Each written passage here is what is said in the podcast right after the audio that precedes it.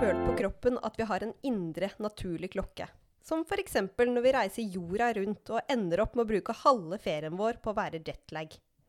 Det å ha en indre, naturlig klokke finnes overalt i biologiens verden. Fra oss mennesker til encellede organismer og i planter. Og det er et fenomen som kalles den sirkadianske rytme på fagspråket, eller bare døgnrytme på godt norsk. Men hvorfor trenger man egentlig en slik indre klokke? I dagens episode av Biopoden skal vi snakke om døgnrytmen, og vi er som alltid Elina Melteig Hei, hei. og meg selv, Vilde Olsson Lahlun. Og det første vi skal gjøre, er vel å si litt hva er egentlig denne indre døgnrytmen? Så godt spørsmål, men jeg, jeg tenker at sånn som du sa i introen, at dette er jo noe som vi alle har kjent på.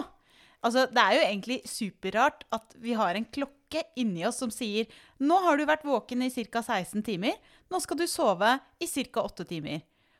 Og- den er jo ganske eksakt. Og så er det noen som har en klokke som er litt lengre. Eh, og så er det noen som har en litt kortere klokke. Og så av en eller annen grunn så har vi delt inn i A- og B-mennesker. Men ja, for all del. Ja, det var veldig sånn menneskeretta, men det som er gøy, er at det du sier der, det stemmer jo egentlig for de aller fleste eh, organismer som da har en sånn døgnrytme eller en slags klokke inni seg. Dette er en, eh, biologisk, et biologisk fenomen som består av eh, komplekse prosesser i kroppen, som vi ikke skal gå inn på, eller i organismen. Men kan vi ikke gå bitte lite grann inn på Og det du vil litt inn på det? Jeg vil litt inn på det, for jeg det, syns det, er, jeg syns det er så utrolig eh, fascinerende. For det er jo nesten som et sånt sveitsisk lommeur, ikke sant? Som er sånn tikk, tikk, tikk. Men i stedet for en sånn mekanisk klokke, så er det molekyler. Det er en molekylær klokke. ja. Det er en molekylær klokke, og det er molekyler som hoper seg opp. Og når det er en gitt mengde, så eh, er greia at det, de hindrer eh, produksjonen av nye sånne molekyler, og så, samtidig så brytes de eh, eh, molekylene ned, som hindrer produksjonen av seg selv. Og det er også en slags klokke. Og så, når, de ikke klarer å hindre, når det er så lite igjen av det molekylet at de ikke klarer å hindre produksjonen av seg selv igjen lenger, så begynner prosessen på nytt. Og det er liksom det som er klokka.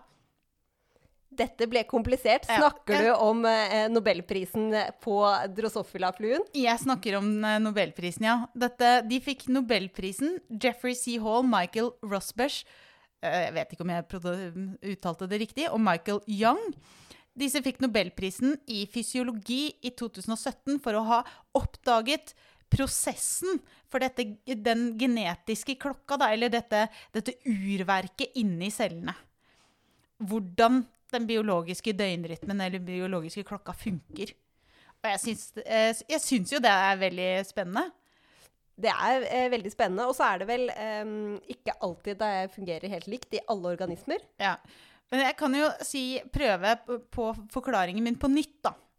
Eh, fordi det de gjorde, var at de så på fruktfluer. Disse berømte drosophila, drosophila melanogaster, som hoper seg opp rundt bananene hvis de får stå litt lenge. Ja. Disse fluene eh, var modellorganismen deres. Eh, og så så de at eh, disse fluene har et gen som koder for et protein. Og hvis du lurer på hvordan dette her funker, så kan du se DNA-episoden vår. Eh, så det bare hopper jeg over på forklaringen på gen og eh, protein. Og så kan du bare tenke at ok, det er noe som produseres inni cellen som hoper seg opp i løpet av natta. Og det samme proteinet, når det er tilstrekkelig mye, igjen, eh, tilstrekkelig mye av det, så brytes det ned igjen om dagen. Så det er maskin maskineriet. Det er liksom en slags sånn vektskål av proteiner som hoper seg opp om natta. Og som dagen så brytes det ned igjen. Så det er på en måte bare mengden den sånn type protein. Og akkurat den mekanismen, den regulerer andre deler av cellen også, som regulerer andre ting igjen. Sånn at hvordan denne vektskåla av mengden av dette proteinet eh, er, hvor mye sånt protein du har, det regulerer atferd, andre hormoner, søvn, kroppstemperatur og også metabolisme. Altså eh, når du er sulten, eller når du får energi.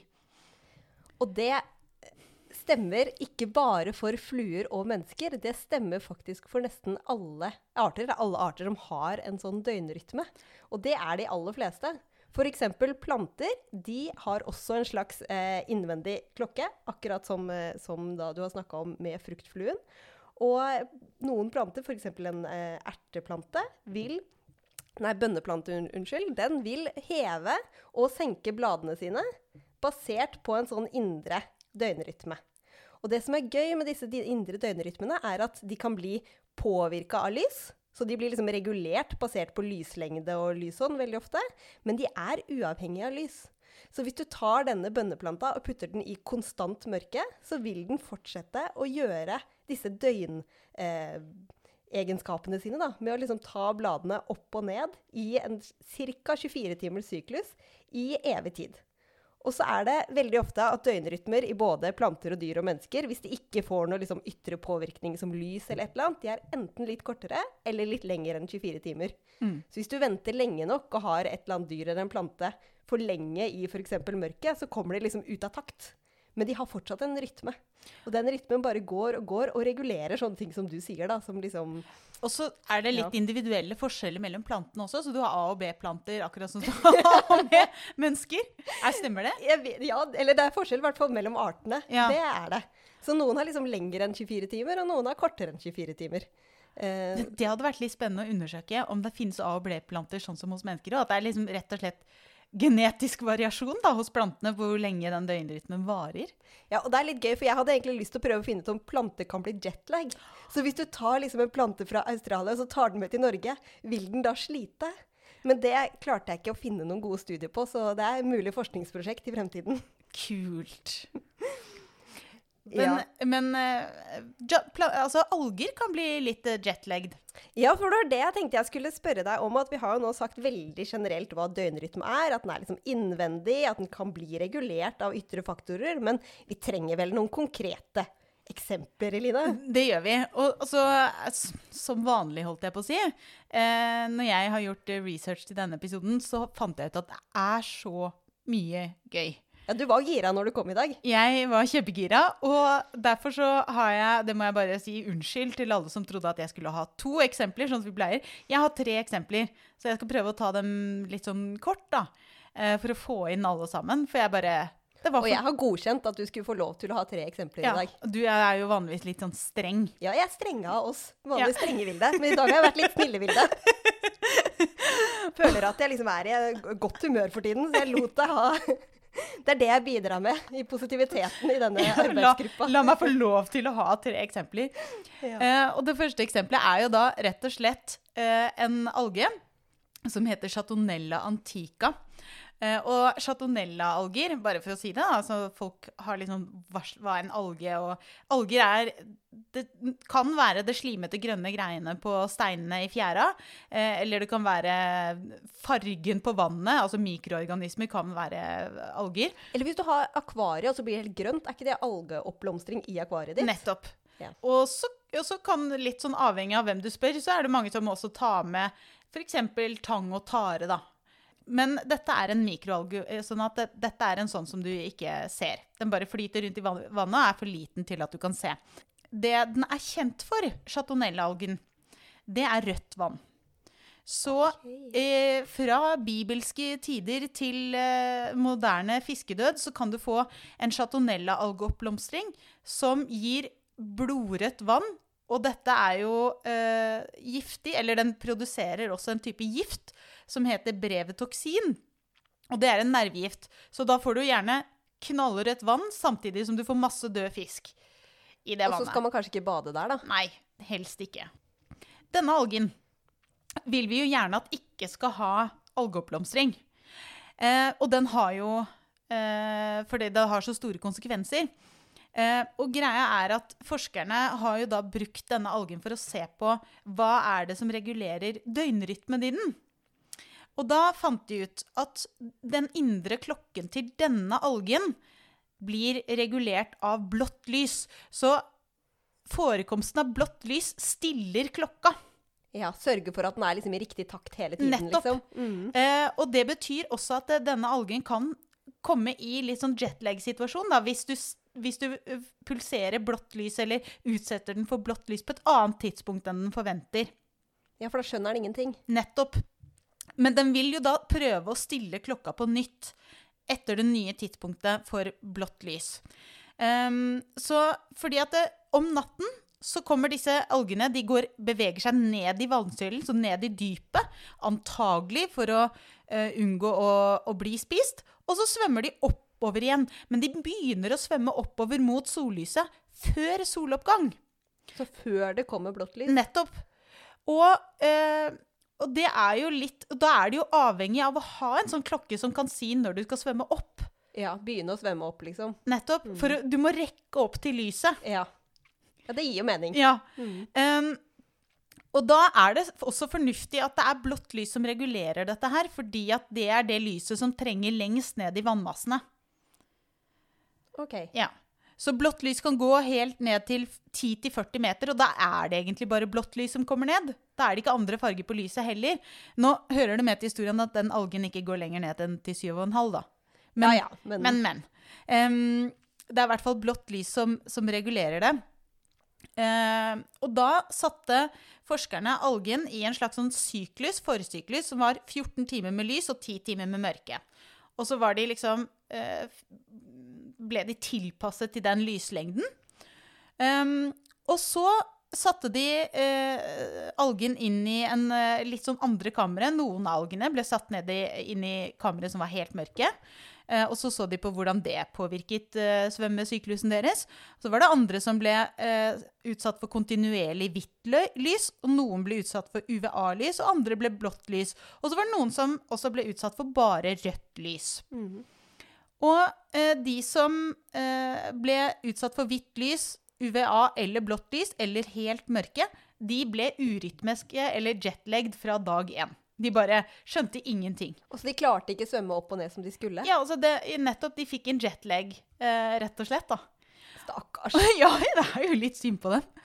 Og, men de som var i rødt lys, de bare fortsatte som før. Fordi rødt lys påvirket ikke De, de kunne ikke stille klokka si etter det røde lyset. Ja, så For alle de andre så prøvde de liksom å omstille klokka hele tiden, og så funka det aldri, fordi Nettopp. de alltid fikk lys. Ja. Mens i det røde lyset så bare fortsatte de i akkurat den rytmen som de hadde før, da. Eh, og så så de at eh, denne algen har ikke såkalte kryptokromgener, altså lysreseptorer, eh, som fins i veldig mange andre planter og dyr, og fugler. Eh, så hva er det som regulerer da? Så da fant de ut et annet, en, en annen måte å regulere eller fange opp lys på, som er en ny type reseptor da, som heter aureokrom. Som er en blått lysreseptor. Du kan nesten se på det som et slags sånn øye som bare kan se blått lys. Og så er det det som da stiller klokka til denne algen. Og den finnes i hver og en enkelt sånn encella liten alge. Mm. Og hver og en alge stiller klokka si individuelt, men som en gruppe så stilles den da likt, fordi de reagerer likt til blått Ja. lys. Det er Det veldig er, eh, fascinerende. Eh, Det er veldig fascinerende. Og det, en annen ting som er veldig veldig morsomt med akkurat det, det er at forskerne foreslo at eh, dette kan man faktisk bruke til å unngå algeoppblomstringer. Fordi at det, dette påvirker også når cellene til denne algen deler seg.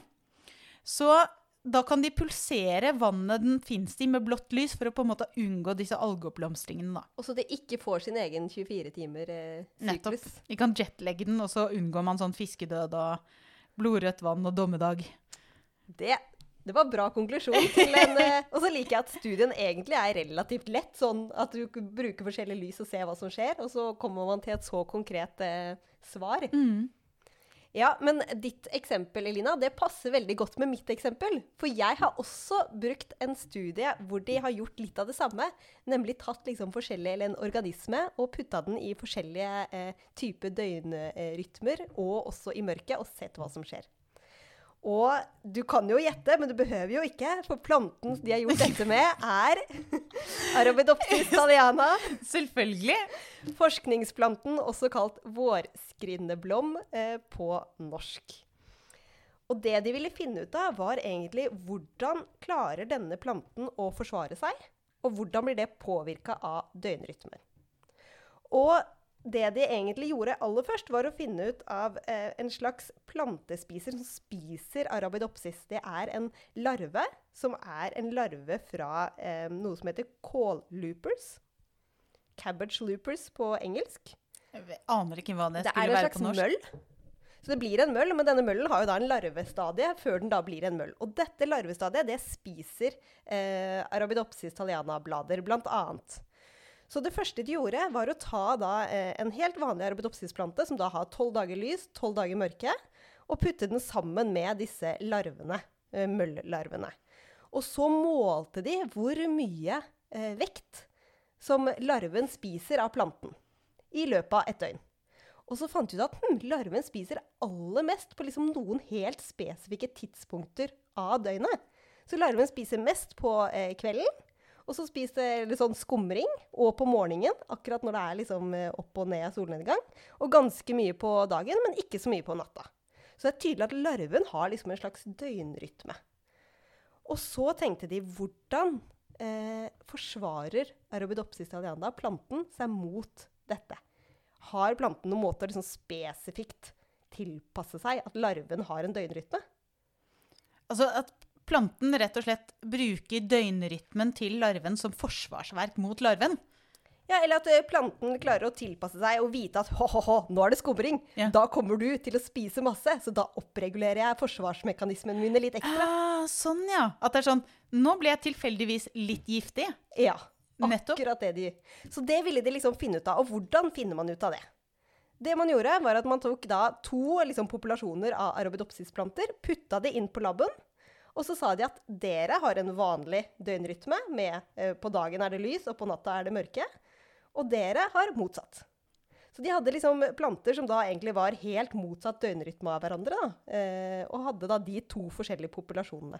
Og så hadde de jo helt vanlige larver, som hadde da samme døgnrytme som den ene populasjonen, og motsatt døgnrytme som den andre populasjonen.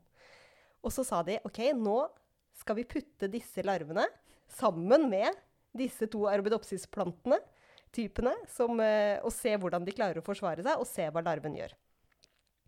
Så det gjorde de. Fortsatte den samme syklusen som, som de hadde vært. Putta larven sammen med plantene.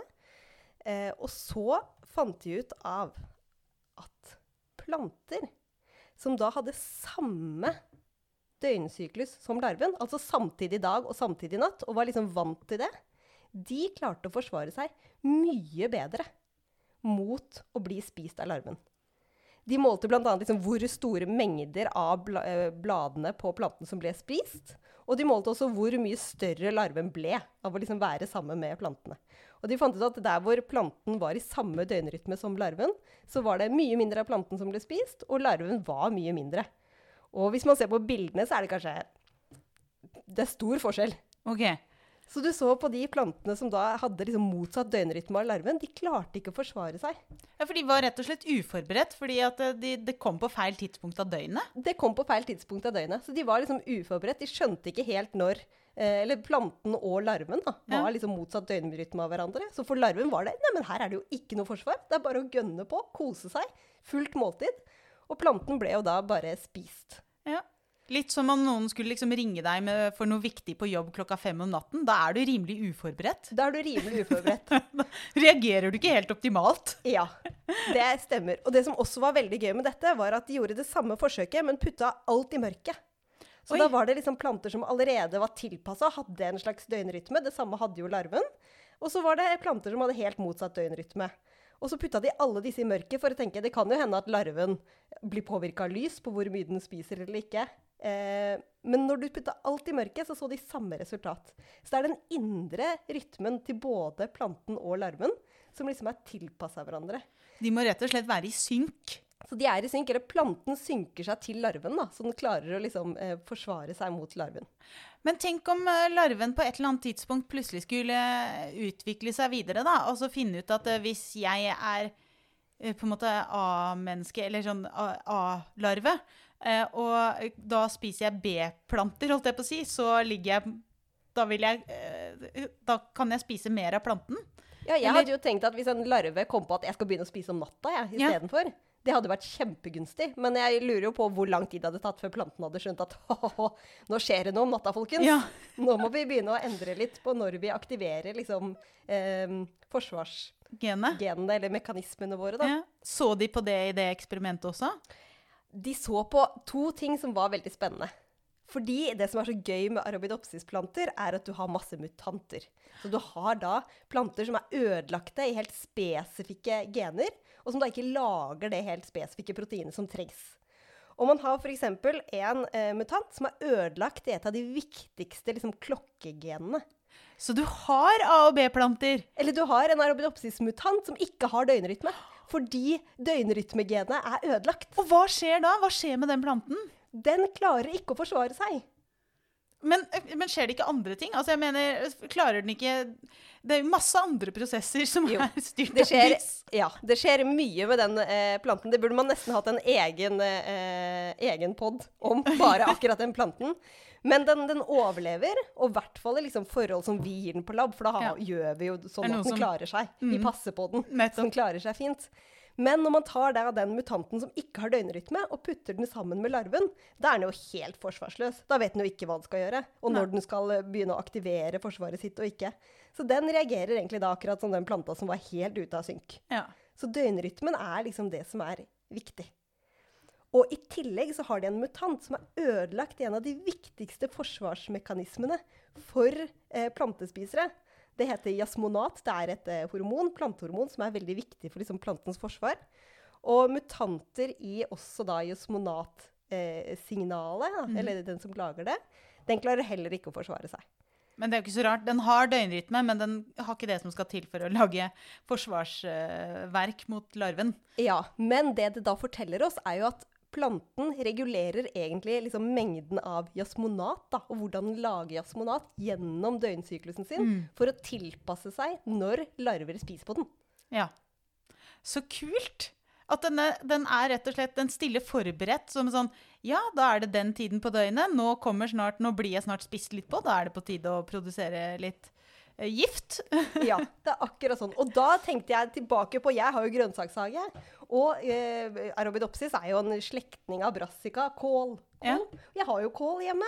Så neste gang når jeg går ut eh, til våren og har kål i hagen min, skal jeg tenke i skumringa si Nå forsvarer dere dere Ja. mot disse sneglene. Vi har masse sånne snegler og masse andre ting som spiser på kålen min. Og så skal jeg tenke at nå vet jeg hva som skjer inni dere, og dere forsvarer dere, og jeg heier. Men betyr det også at du må plukke kål om natta? Jeg, jeg, det er min kål, jeg plukker den når jeg vil. Jo, men jeg bare tenker, er jasmonat er det giftig for oss òg? Nei, det er ikke giftig for noen. Nei, det var bra. Da har det ikke så mye å si. Det er ikke giftig for oss. Det er eh, absolutt Og den planta eh, begynner jo å lage jasmonat også når den merker at den blir spist på. Ja. Men det, den begynner da automatisk litt på forhånd, da. Eh, i, med døgnrytmen for Nettopp. å forsvare seg litt ekstra. Men ingen av disse tingene er farlige for oss. Prøvde du nå å unngå å spise salat? Nei, nei, nei.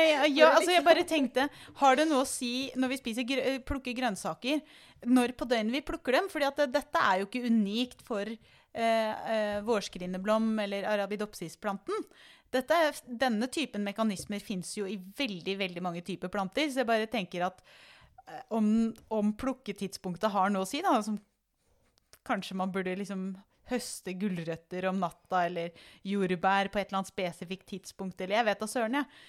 Det er jo et, uh, godt, uh, en god tanke. Som, det har jo sikkert noe å si med Eller at det er forskjellige typer uh, komponenter inni plantene på forskjellige tider av døgnet. Men forskjellen er at de plantene vi spiser, de produserer ikke noe som er giftig for oss. Nettopp. Ellers så hadde de vært en giftig plante. Det er liksom definisjonen. De aller fleste giftige planter produserer jo nettopp liksom giftige eh, forsvarsmekanismer for dyr og andre insekter. Men det er, jo, det er jo noen planter hvor vi er ute etter giften nå, da. Sånn som eh, koffein, eksempel.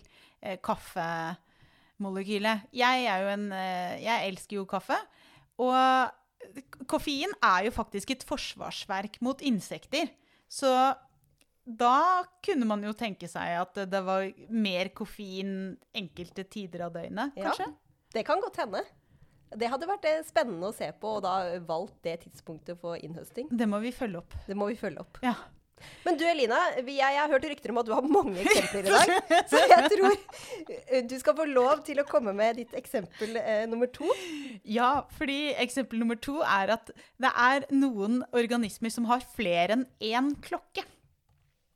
Og det er jo kanskje litt rart å tenke på, eh, men vi hadde den forrige algen som da har en klokke som blir stilt av lyset, og det gir veldig mye mening.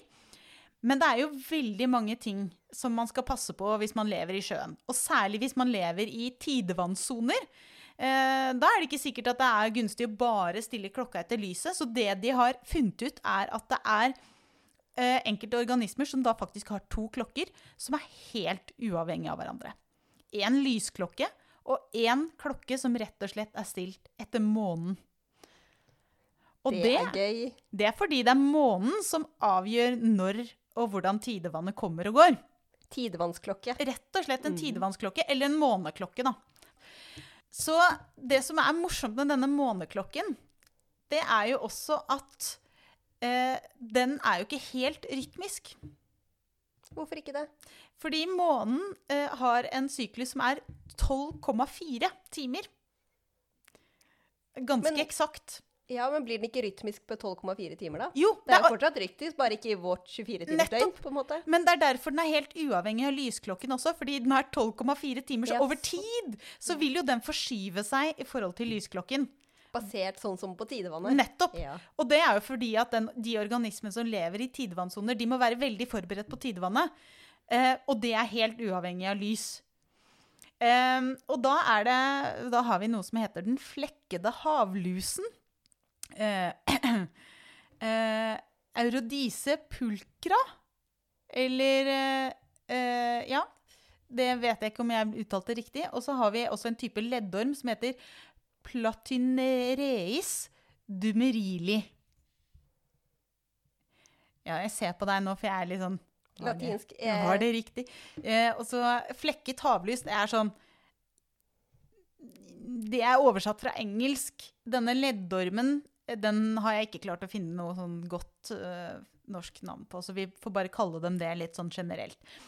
Og de bor i tidevannssonene. Ja, havlusen den har et svømmemønster som er synkronisert med tidevannet. Og alle andre Altså det er bare Tidevannet det påvirker bare hvor, hvordan den svømmer. Alle andre biologiske funksjoner det følger sollyset.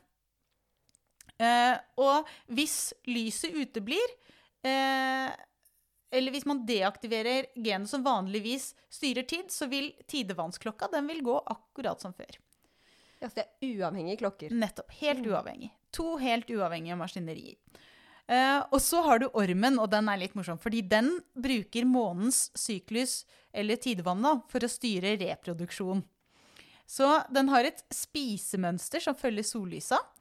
Eh, og, så, og, og det tikker og går, den klokka, eh, når man eh, ordner på lobb. Men det er, det er rett og slett månen som styrer når er det denne skal forplante seg. Og det er jo litt sånn som vi mennesker også. Som vi kaller det den månedlige, men det er en månedlig syklus. Og det er også veldig spennende, for det er da også helt sånn litt uavhengig, da. Det er sant. Mm. Så Eh, vi har noe til felles. vi har noe til felles, eh, rett og slett. Eh, jeg jeg syns det, det er veldig fascinerende. At vi har, vi har flere klokker som Og så har du noen dyr som også løfter dette på et litt enda høyere nivå, da. Fordi at det, dyr som bor i arktiske strøk, de har også en årlig klokke. Ja, av at det er så store forskjeller på vinter og Nettopp. Så de harer for eksempel må jo eh, begynne å tilpasse seg til vinterpels eh, kanskje før det kommer snø, og før det blir kaldt. Så de prosessene i kroppen til haren er jo over et helt år, da. mm. For å begynne å tilpasse seg i forkant av at snøen kommer.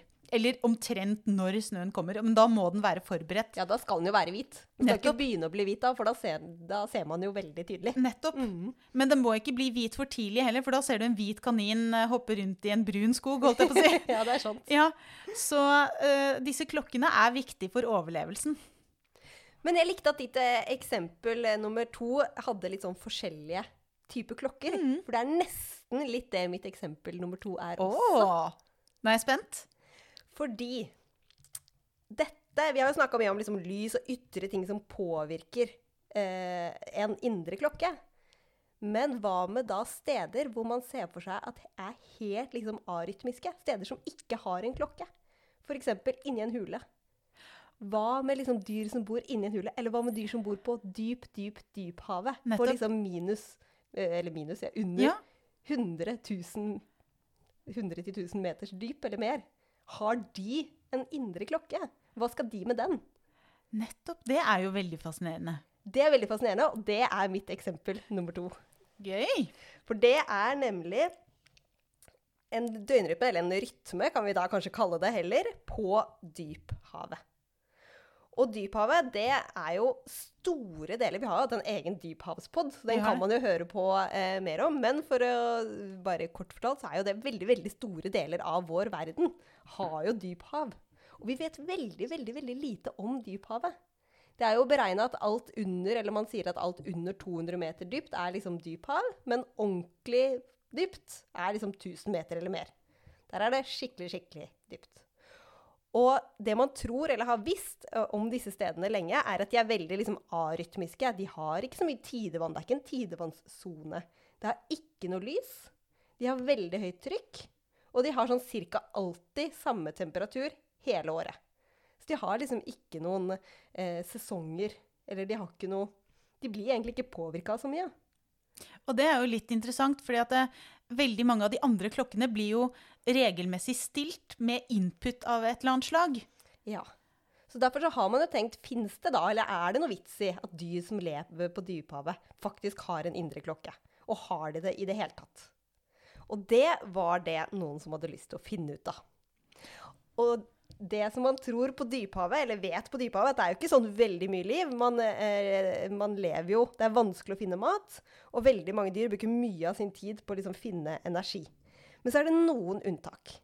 Og store unntaket i dyphavet på hvor det finnes mye liv, er på sånne hydrotermale skorsteiner. Eller ja, hydro, vents på engelsk. Og det er da liksom underjordiske eh, vulkaner, nesten, hvor det kommer varm eh, og veldig giftig. um, Giftig for oss. Giftig for oss, ja. Varm og veldig giftig vann opp liksom fra eh, vulkansk aktivitet. da. Og finnes ofte på sånn middelhavsryggen, og der hvor det er liksom to plater som møtes. To sånne kontinentalplater. To kontinentalplater som møtes. Og rundt de stedene hvor du har sånne hydrotermale skorsteiner, der finnes det masse liv. Og grunnen til det, det er akkurat det du sa, med at det er giftig for oss, men ikke for de organismene som lever der. For der leves, lever det for det første masse bakterier som bruker disse giftige eh, kjemiske forbindelsene og gjør om disse giftige kjemiske forbindelsene til energi. Og så fins det masse andre dyr som spiser disse bakteriene. Eller jobber sammen med de. Og til sammen da så blir det et liksom mekka av egentlig liv på minus, eller på 100 000 meters 100 000 meter, det var litt 100 drøyt. på 1000 meters dyp eller mer. Ja. Og det er et sånt sted de hadde lyst til å se. Er det noe rytmiske, døgnrytmiske eller rytmiske omstendigheter som skjer der nede? Og de bestemte seg for å se på en slags, et slags skjell, eller en musling. Og nå skal jeg si det på latinsk, for jeg tror ikke det har et vanlig eh, navn. Samme problem som jeg kom med leddormen og den havlusa. Ja, eh, det heter da eh, skjellet Batimodus asoricus. Det eh, som er spennende med det, er at det samarbeider med noen sånne eh, kjemotrofe eh, bakterier. Så det samarbeider med noen bakterier som både bruker sulfur, og som bruker metan til å lage energi. Og, eh, så beskytter skjellet bakteriene. Og så bor de rundt disse eh, hydrotermale skorsteiner. Så det er en slags liten sånn samarbeid da, mellom disse.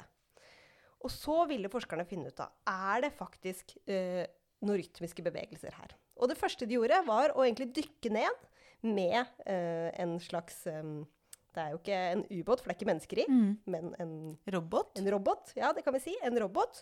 Og så overvåka de skjellene i jeg tror det var 31 døgn. Og så så de er det noe liksom rytme her. Og det de fant ut av, som var ganske spennende, var at skjellene åpna og lukka seg i en rytme. Nettopp. Så det hadde liksom, Og det var ikke en 24-timersrytme, men det var ikke langt unna. Så det var en slags liksom indre klokke som da åpna og lukka skjellene. Eh, ja, basert på bare tid, indre klokka. Og det er ikke noe lys. Det er ikke noe som liksom reset den klokka. Nei. Det eneste man kan si litt om, er jo at det er jo litt tidevann, og det kan være litt sånn undervannsstrømninger, og det kan være noen endringer som påvirker miljøet der nede. Kan jo være noe helt annet også. Og det kan jo være at hvis dette skjellet har blitt utviklet på land, da, så har den liksom tatt med seg klokkegenet når den har Det eh, har det jo fortsatt å leve på havdypet. dypet. Det har det jo definitivt eh, sikkert gjort. Men det er jo ganske spennende at det fortsetter liksom å gjøre den helt sånn rytmiske bevegelsen med å åpne og lukke seg. Men har, har du tenkt på at det, Fordi det disse forskerne gjorde, da, når de fant ut at de åpna og lukka seg med en rytme, så tenkte de kult, da fins det noe der. Da er det liksom verdt å gå videre med forsøket. Og da eh, bestemte de seg for OK, vi skal samle ved. Vi skal samle skjellene. Så det de gjorde da, de hadde en, da, en ubåtrobot, som vi kalte eh, i stad, og dykka da ned til en sånn eh, skorstein som er på den midtatlantiske ryggen. Jeg tror det var nesten 2000 meter dypt. 1688 meter dypt. Ja, det er langt ned. Det er veldig langt ned, og de dykka ned der. Og noe som var eh, det viktigste de gjorde med dette forsøket, var at de brukte rødt lys for å identifisere eh, skjellene, og ikke det man vanligvis gjør når man dykker ned, som er sånn superskarpt hvitt lys. For man kan jo tenke seg at det påvirker skjellene. ja. Så man tenkte at eh, man bruker rødt lys for å minst mulig liksom påvirke skjellene. Eh, og så gikk de ned, dyppa ned, og den roboten den har da en svær arm. Og den armen kan de da styre helt konkret med, og finne skjell. Og så kan de da eh, plukke opp skjell med roboten. Og så har denne roboten også med seg en hel haug av forskjellige tanker. Som den, en annen liksom, eh, robotarm kan ta frem åpne en sånn tank, dytte skjellet nedi en litt sånn eh, avbegrensa område i en tank, og nedi den tanken så fins egentlig alt mulig av eh, kjemikalier og ting som vi bruker på laben for å ta godt vare på det biologiske materialet, så ikke det biologiske materialet blir ødelagt.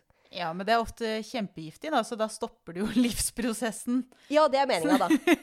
For du vil ha, du vil ha akkurat der. Nettopp. Eh, så, så da er det sånn, da får du egentlig skjellet ved å bruke denne metoden. Så får du hvordan så skjellet ut, og hvordan, hvilken gene var skrudd av og på, og hvordan var skjellet akkurat når jeg plukka det. Nettopp, fordi du, du, de kjemikaliene er så umiddelbart giftige at de stopper tiden. De stopper tiden, ja. De eh, fryser liksom alt. Ja. Og da jeg gjorde da disse, eh, henta disse prøvene med skjellene flere ganger. Jeg tror de gjorde det tre eller fire ganger i løpet av eh, over en 24 times syklus. Og fikk da liksom stoppa prosessen, som du sier, da, på mange forskjellige tidspunkt. Og så tok de med alle disse prøvene opp til overflaten. Og da har du jo egentlig liksom et direkte prøvesvar fra 1688 meters dyp. Hvordan har ting vært i løpet av de siste 24 timene? Og da kan de se på disse skjellene og si hvilke gener var skrudd av og på på de forskjellige tidspunktene, og hvorfor er de genene viktige. Og er det noe forskjell på hvilke gener som er skrudd av og på, basert på liksom tidspunktet. Ja, Og de fant ut at ja, det er det. Det er forskjell i hvilke gener i dette skjellet, som bor så dypt der nede, som egentlig ikke har noe tilgang på noe ytre stimulus som burde stille den klokka, så er det forskjell på hvilke gener som er skrudd av og på, på en sånn ca. 24 timer pluss-minus syklus.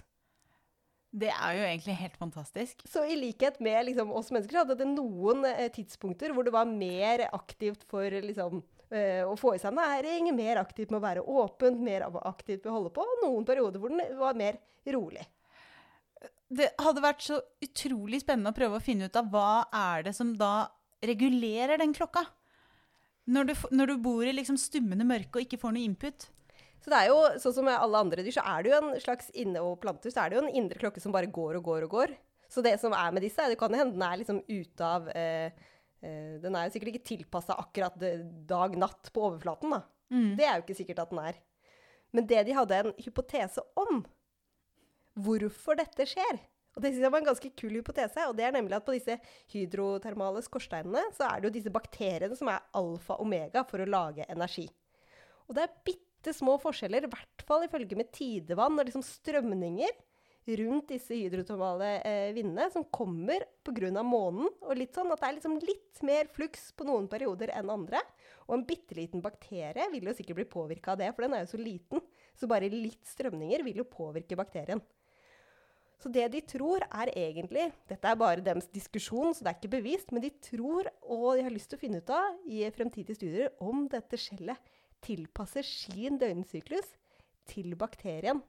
Som igjen tilpasser til de små, små, små, små forskjellene som er For skjellet er helt avhengig av bakteriene for å få energi.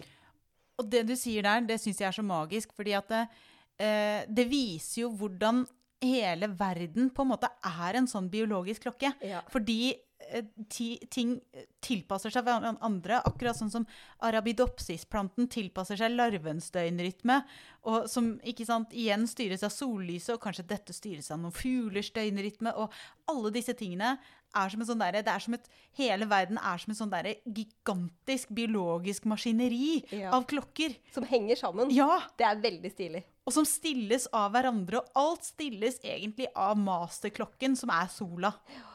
Det er eh, veldig Jeg er helt enig. Det er kult. Så det de forskerne her har skikkelig lyst til å gjøre neste gang, er jo egentlig å gjøre et litt likt studie, men samtidig prøve å ta prøver av bakterien, da. Og som de bruker, og finne ut om bakterien har lik da døgnrytme som skjellet. Det er spennende.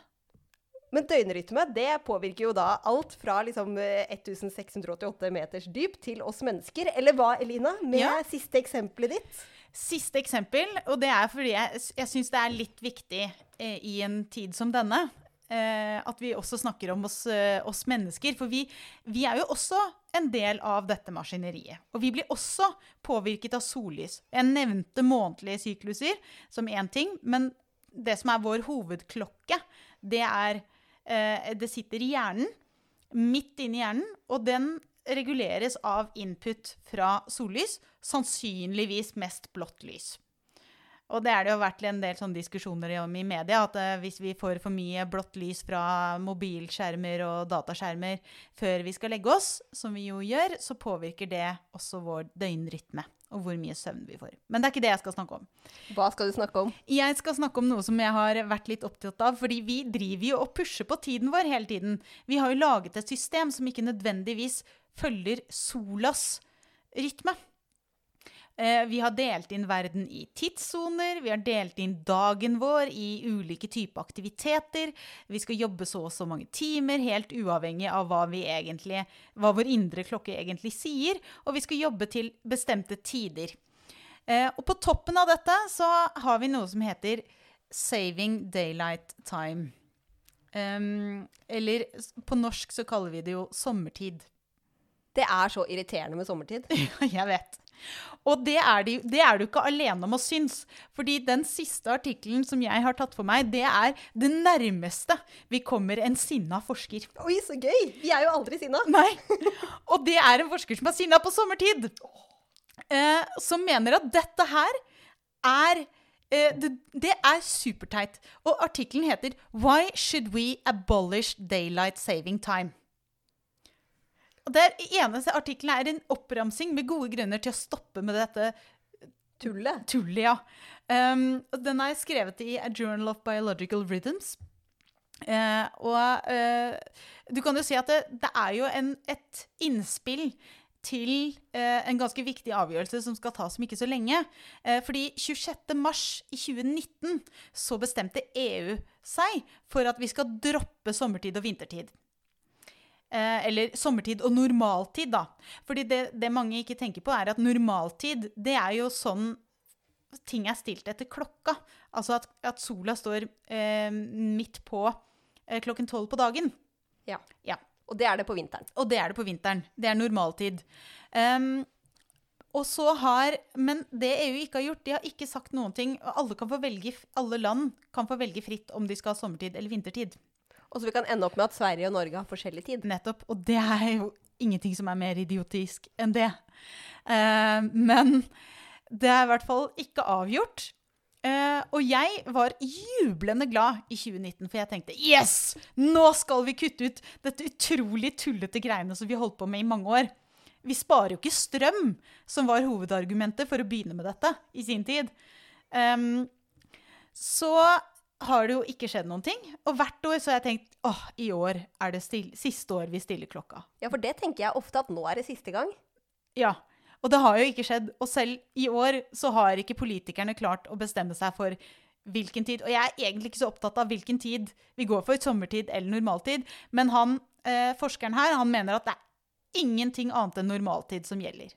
Og vi burde være mye, mye, mye mer på at, vi, at man skal få regulere på en måte døgnet etter soltid. Og hvorfor mener han det? Ja. Eh, det er jo Det han skriver, da, eh, er jo at eh, døgnrytme regulerer jo absolutt alt. Det regulerer vår metabolisme, det regulerer når på dagen vi fungerer best, det regulerer søvn. Alt er regulert av sola. Um, og um, de har, han peker på studier som viser at innenfor en tidssone f.eks., så er det sånn at jo lengre vest folk bor innenfor samme tidssone, jo mer helseproblemer har de. Og det er jo, ikke, det er jo innenfor samme tidssone, så der er jo forskjellen eh, maksimalt da, eh, en, en time på en måte i forhold til soltid. Men noen av tidssonene er jo veldig, veldig brede. Ja. Eh, så det er fordi at dette er de stedene hvor det er størst forskjell mellom den sosiale klokka, som vi mennesker bare har bestemt, og det som er den indre klokka, som er regulert av lys. Den biologiske klokka Rett som blir tilpassa med sollyset, liksom. Døgnrytmeklokka eller den Mm. biologiske klokka. Det er jo litt feil å bruke den biologiske klokka på én måte, fordi det er jo et eh, fenomen som egentlig stort sett sånn sosialt da, blir brukt om damer som vil ha barn. Men, men det er jo en biologisk klokke. Ikke for meg. For meg så mener jeg dette når jeg snakker Ja, om den biologiske klokka. Men det er bare viktig å liksom huske på at det, akkurat det eh, fenomenet den biologiske klokka bør ofte bli brukt i en helt annen sammenheng, da. Um, som om ikke poeng. menn har klokker, liksom. Men det har de. Men eh, hva er det jeg, kaller, jeg har kalt det kroppsklokka, jeg, da. Um, og så er jo eh, Så har de også sett på at eh, disse forskjellene Det tilsvarer jo det at folk i Berlin om sommeren, det med sommertid og vintertid, da. Folk i Berlin om sommeren, de jobber tilsvarende eh, den kroppslige tidspunktet i St. Petersburg, med tanke på solens plassering. Og det er jo veldig rart. Det er, det er to veldig forskjellige steder med tanke på sollys. Ja. Og da er det jo da er det jo, fornytt, eller da er det jo naturlig å tenke at ja, da følger det jo noen kroppslige mekanismer. Og hva er disse kroppslige mekanismene som da blir forskjøvet på? Jo, eh, vi får kortere søvn. Vi får dårligere prestasjoner, vi får dårligere helse, vi får flere hjerteinfarkt, og det er flere trafikkulykker enn normalt eh, i tiden etter at vi stiller klokka. Det var lite hyggelig. Det er lite hyggelig. Og han, forskeren her han skriver også at det, det kan faktisk ta opptil flere måneder og at døgnrytmen tilpasser seg igjen. Og da skal vi stille til klokka tilbake. Nettopp. Så han syns at dette her er så dumt. Eh, og det er forskjell fra dette å være jetlagged. Fordi hvis du er jetlagd, så har du jo reist til en annen solklokke også. Så da tilpasser du deg jo en, eh, en soltid som er der du er.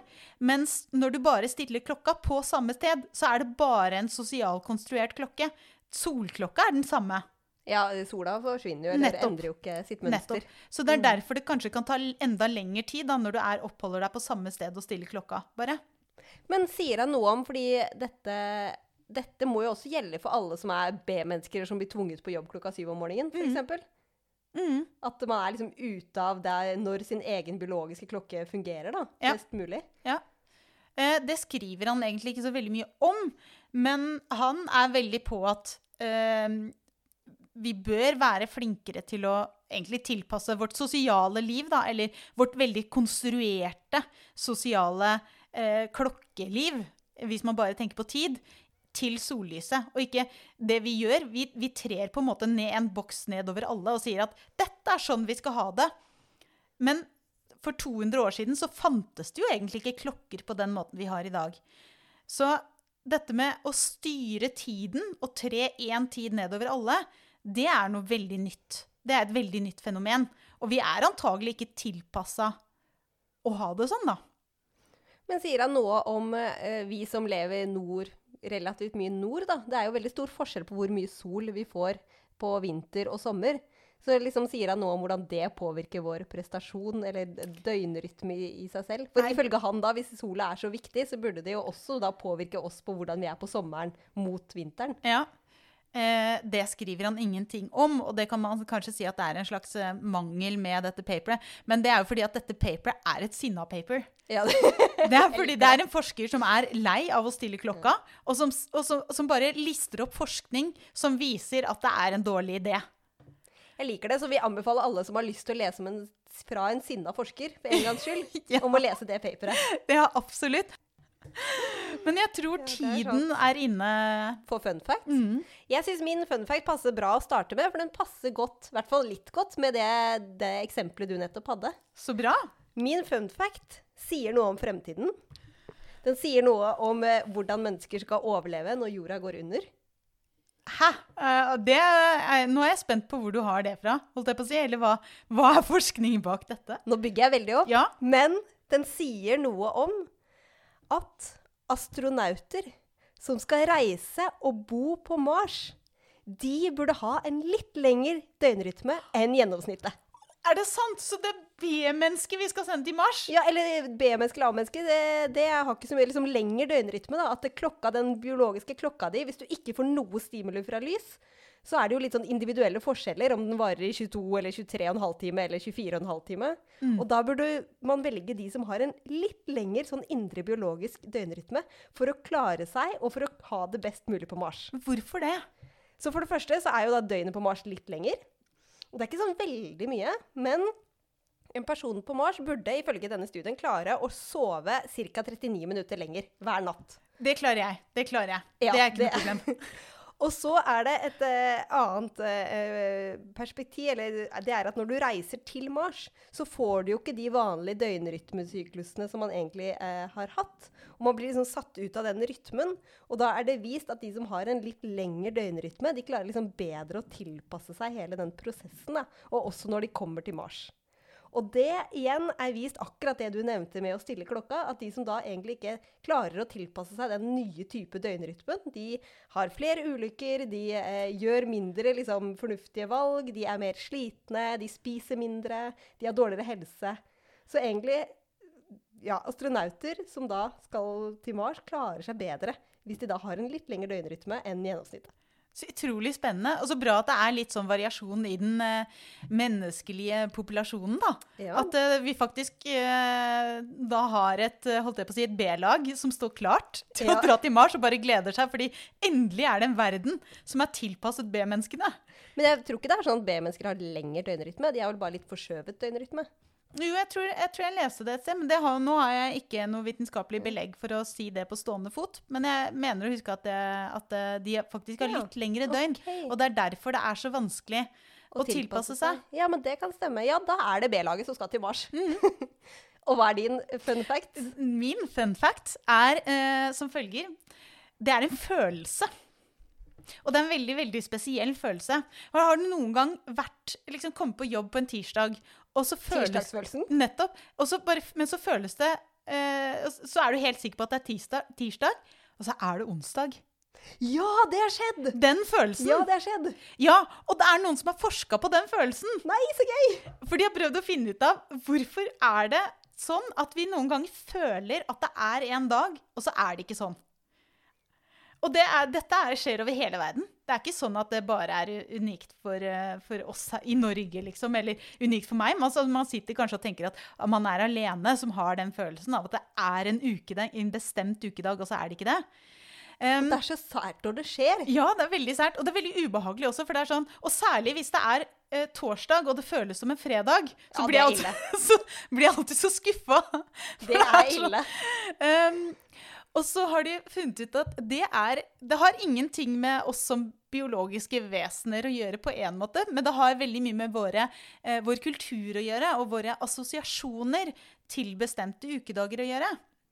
Så, vi, eh, så har de da sjekket og sett på eh, hva, eh, hvor, hvordan omtales de forskjellige ukedagene i populærkultur, i bøker og i magasiner og, og musikk, ikke sant?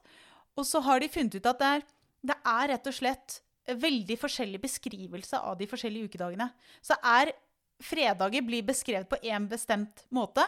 Eh, mandager blir beskrevet på en annen måte. Eh, de ukedagene som det står minst om, det er tirsdag, onsdag og torsdag. Og det er de dagene vi har størst sannsynlighet for å for forveksle. Ok, for da man har minst liksom, konkrete følelser til de. Nettopp. Men samtidig, hvis du har en fredagfølelse på en torsdag, så har det å gjøre med hva du har eh, følt, eller kanskje hvor sliten du er, eller hva du har gjort dagen før, som gjør at du føles som en torsdag, selv om det ikke, nei, en fredag, selv om det ikke er det. Og det verste er jo når det er tirsdag, og så tror du det er torsdag. For da er du jo egentlig ferdig med uka, og så er du egentlig ikke. Det er jo ille følelse, og det skjer overraskende ofte. Ja. Og det er spesielt midt i uka, de dagene vi har minst assosiasjoner til, at vi har størst sannsynlighet for å forveksle hvilken dag det er. De andre var dag- veldig gøy. Ikke sant? Og de andre dagene så skjer det jo på grunn av at vi har gjort et eller annet spesifikt som vi vanligvis gjør på en annen dag, som gjør at det, at det skjer. Men i ukedagene, de midterste dagene, så er det bare fordi vi har for få holdepunkter, rett og slett. Jeg tror jeg aldri har opplevd at jeg våkner på en lørdag og tror det er mandag. Nei, ikke sant? Ja, det, Det skjer ikke ikke så ofte. Uh, og, men jeg, det jeg ønsket meg, det var at de skulle ha et navn på, det, på dette fenomenet. De har, de har bare kalt det 'mental representation of weekdays'. Kjedelig. Har du et forslag? Uh, nei, jeg har egentlig ikke det. Jeg har Ukedagfølelse kunne vært e- et ord, men jeg har rett og slett ikke noe godt ord på det. Kan man ikke kalle det dagsforvirra? Dagsforvirra. Uh, født på feil dag. Født på feil nei, jeg vet ikke. Eh, Men, men eh, hvis det er noen som har gode forslag, så syns jeg dere skal skrive til oss og, og foreslå hva denne følelsen skal hete. Ja, for vi kjenner alle følelsene. Vi kjenner alle følelsen. Og med det så vil jeg bare si eh, lik og del, og skriv til oss og fortell hva du syns denne følelsen burde hete. Og så takker vi for oss. Ha det bra.